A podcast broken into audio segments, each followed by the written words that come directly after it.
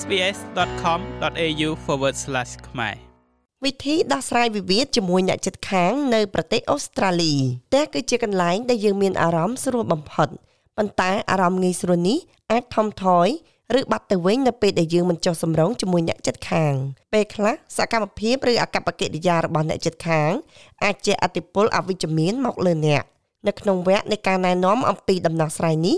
យើងនឹងស្វែងយល់អំពីវិធីសាស្ត្រដោះស្រាយវិវាទនិងលទ្ធផល ដែលអាចរំពឹងទុកដូច្នេះអ្នកអាចសម្រេចចិត្តអំពីរបៀបដោះស្រាយស្ថានភាពដែលមានភាពលំបាកបានល្អបំផុតមិនថាអ្នករស់នៅតាមតំបន់នៅផ្ទះធំមួយដែលមានទីធ្លាខាងក្រោយទូលាយផ្ទះល្វែងនៅក្នុងទីក្រុង ឬផ្ទះនៅជាក្រុងភាពខុសគ្នានឹងការឆ្លុះប្រកែកជាមួយអ្នកជិតខាងអាចកើតមានឡើង។ យោងតាមលោកបាបារ៉ា McDonald សាស្ត្រាចារ្យនៃសាកលវិទ្យាល័យច្បាប់នៃទីក្រុងស៊ីដនីចំនួននៅក្នុងសង្កាត់កើតឡើងជាញឹកញាប់ដោយសារតែមានពាក្យបណ្ដឹងជាទូទៅ និងលក្ខខណ្ឌរស់នៅរបស់យើង I think where ខ្ញុំគិតថាកន្លែងណាដែលមនុស្សរស់នៅជិតគ្នានឹងមានចំនួន ហើយពេលខ្លះចំនួនក៏អាចកើតមានឡើងសូម្បីតែមនុស្សមិនសូវជិតស្និទ្ធនឹងគ្នាក៏កើតមានឡើងដែរសូម្បីតែមនុស្សមិនសូវជិតស្និទ្ធនឹងគ្នាក៏ដោយអ្នកដឹងទេទោះបីជាពួកគេនៅឆ្ងាយពីគ្នា1គីឡូម៉ែត្រឬឆ្ងាយជាងនេះបន្តិចក៏ដោយព្រោះសំឡេងអាចឆ្លងកាត់ចន្លោះទទេ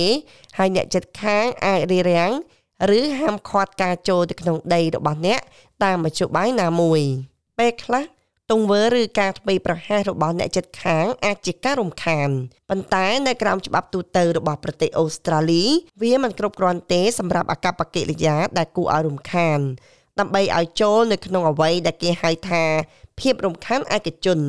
ដែលជាចំនួនរវាងបុគ្គលពីរនាក់ប្រសិនបើតុលាការត្រូវបានស្នើសុំឲ្យដោះស្រាយបញ្ហាជាថ្មី ច្បាប់នឹងពិចារណាទៅលើកត្តាជាច្រើនរួមទាំងប្រសិនបើពាក្យបណ្ដឹងរបស់អ្នកគឺតូចតាចឬមិនសមហេតុផលជាឧទាហរណ៍អ្នកចិត្តខាងរបស់អ្នកលេងភ្លេងខ្លាំងខ្លាំងនៅកណ្ដាលយប់ឬធ្វើការងារសំណង់នៅខាងក្រៅម៉ោងដែលបានអនុញ្ញាតអាចបណ្ដាលឲ្យមានការរំខានជាលក្ខណៈឯកជនឬប្រសិនបើអ្នកផ្លាស់ប្ដូរផ្លូវទឹកនៅលើដីរបស់អ្នក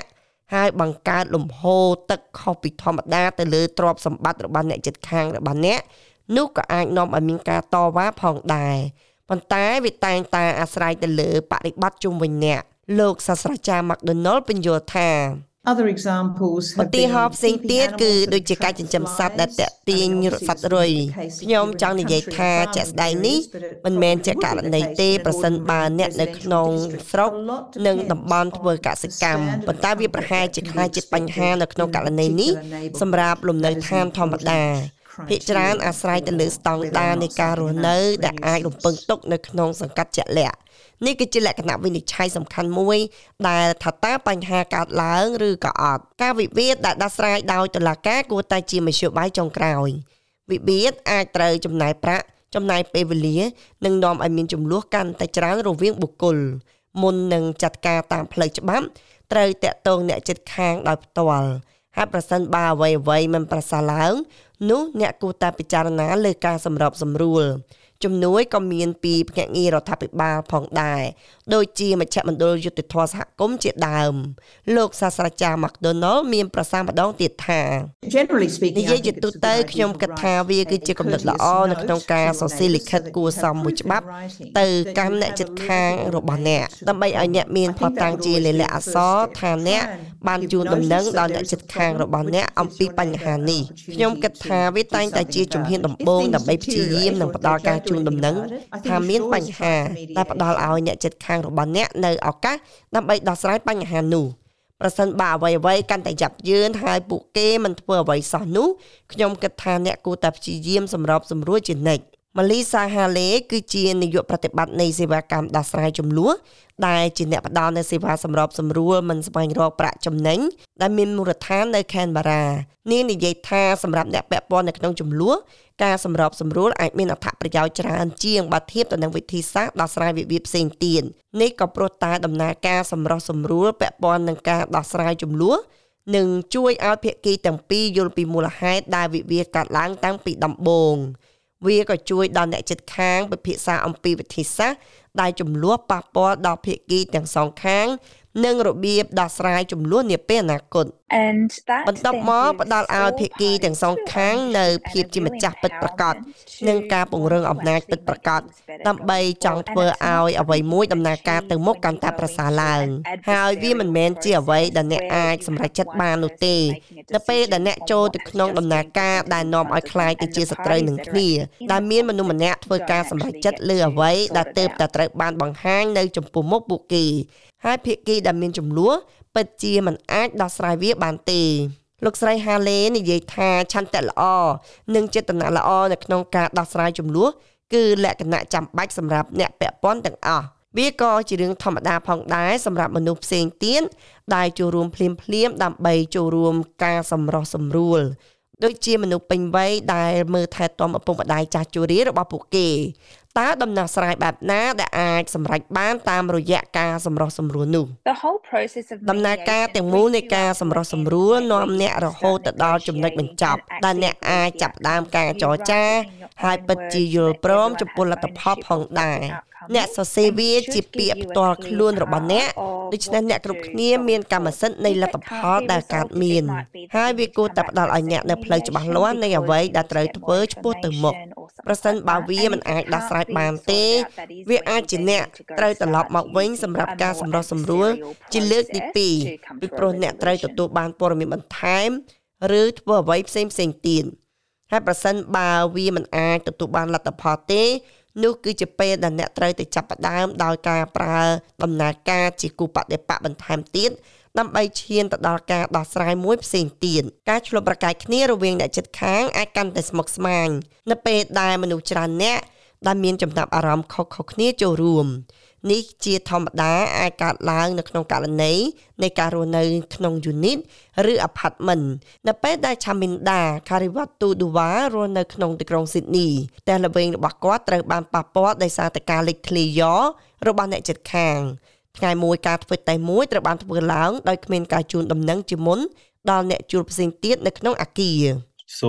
ដូច្នេះវាពាក់ព័ន្ធទៅនឹងមូលដ្ឋាននៃការបំពេញយកដោយវត្ថុរាវវាមិនបង្កគ្រោះថ្នាក់ទេប៉ុន្តែវាពេញទៅដោយពណ៌ក្រហមនៅក្នុងករណីរបស់យើងដូច្នេះថ្ងៃមួយពួកយើងត្រឡប់មកវិញបន្ទាប់ពីការធ្វើការងារ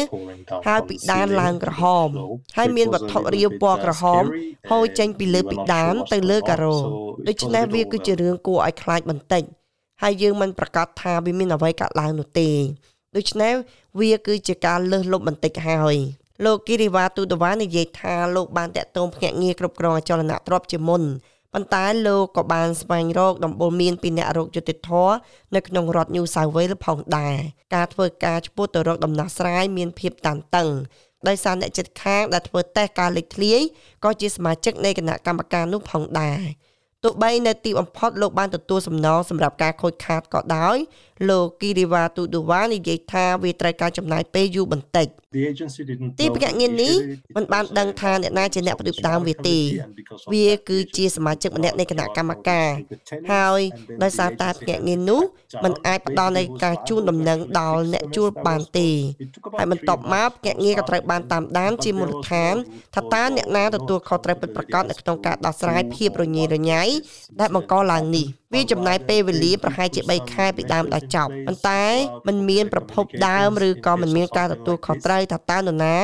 ឬអ្វីដែលធ្វើឲ្យកើតនៅអបតវហេតុនេះទេប៉ុន្តែផ្ទុយទៅវិញពួកគេបានដាក់វិធានការមួយចំនួនដើម្បីអនុញ្ញាតឲ្យមានការទំនាក់ទំនងកាន់តែប្រសើរឡើងនៅក្នុងករណីមានអ្វីមួយដូចជាបញ្ហានេះកើតឡើងម៉ាលីសាហាឡេសង្កត់ធ្ងន់ថានៅពេលដែលមានការដោះស្រាយវិវាទកើតឡើងនៅក្នុងសហគមន៍ ការសម្រេចចិត្តត្រូវធ្វើឡើងអំពីវិធីសាស្ត្រនៅក្នុងការដោះស្រាយអបតវហេតុស្រដៀងគ្នានេះវាគឺជាច្រកដំបូងនៃព័ត៌មាន និងការបញ្ជូនទៅរកជំនួយ your council ក្រុមប្រឹក្សារបស់អ្នកជាធម្មតាអាចដឹកនាំអ្នកទៅកាន់កន្លែងដែលត្រូវទៅនិងស្វែងរកជំនួយនិងមានសេវាសម្រុះសម្រួលនៅទូទាំងប្រទេសអូស្ត្រាលីអ្នកខ្លះអាចទទួលបាននូវថវិកាពីរដ្ឋាភិបាលប៉ុន្តែក្រុមប្រឹក្សារបស់អ្នកនឹងមានព័ត៌មាននោះ ក្រៅពីនេះអ្នកបានទទួលសេវាជំនួយផ្នែកច្បាប់របស់អ្នកផងដែរមានជំហានសាមញ្ញមួយដែលគ្រប់គ្នាអាចធ្វើបាន ដើម្បីការពារចំនួនរវាងអ្នកចិត្តខាងរឿងសំខាន់មួយរបស់ខ្ញុំដែលខ្ញុំតែងតែនិយាយទៅកាន់មនុស្សម្នាគឺទៅដោះស្រាយដោយណែនាំខ្លួនអ្នកទៅកាន់អ្នកចិត្តខាងរបស់អ្នកនៅពេលដែលអ្នកចូលទៅរស់នៅផ្ទះថ្មីរបស់អ្នកហើយវាមិនមែនមានន័យថាអ្នកត្រូវតែធ្វើជាមិត្តល្អនោះទេប៉ុន្តែខ្ញុំគិតថា ការដែលយកមេឃអូលីវចេញហើយណែនាំខ្លួនអ្នកគឺពិតជាធ្វើឲ្យមានភាពខុសប្លែកគ្នាខ្លាំងណាស់នៅក្នុងរយៈពេលវែងទៅមុខអត្ថបទនេះរៀបចំដោយ Zoo Tomato និងប្រាសម្រួលដោយនាងខ្ញុំឡៅដានីសម្រាប់ការផ្សាយរបស់ SBS ខ្មែរចុច like share comment និង follow SBS ខ្មែរនៅលើ Facebook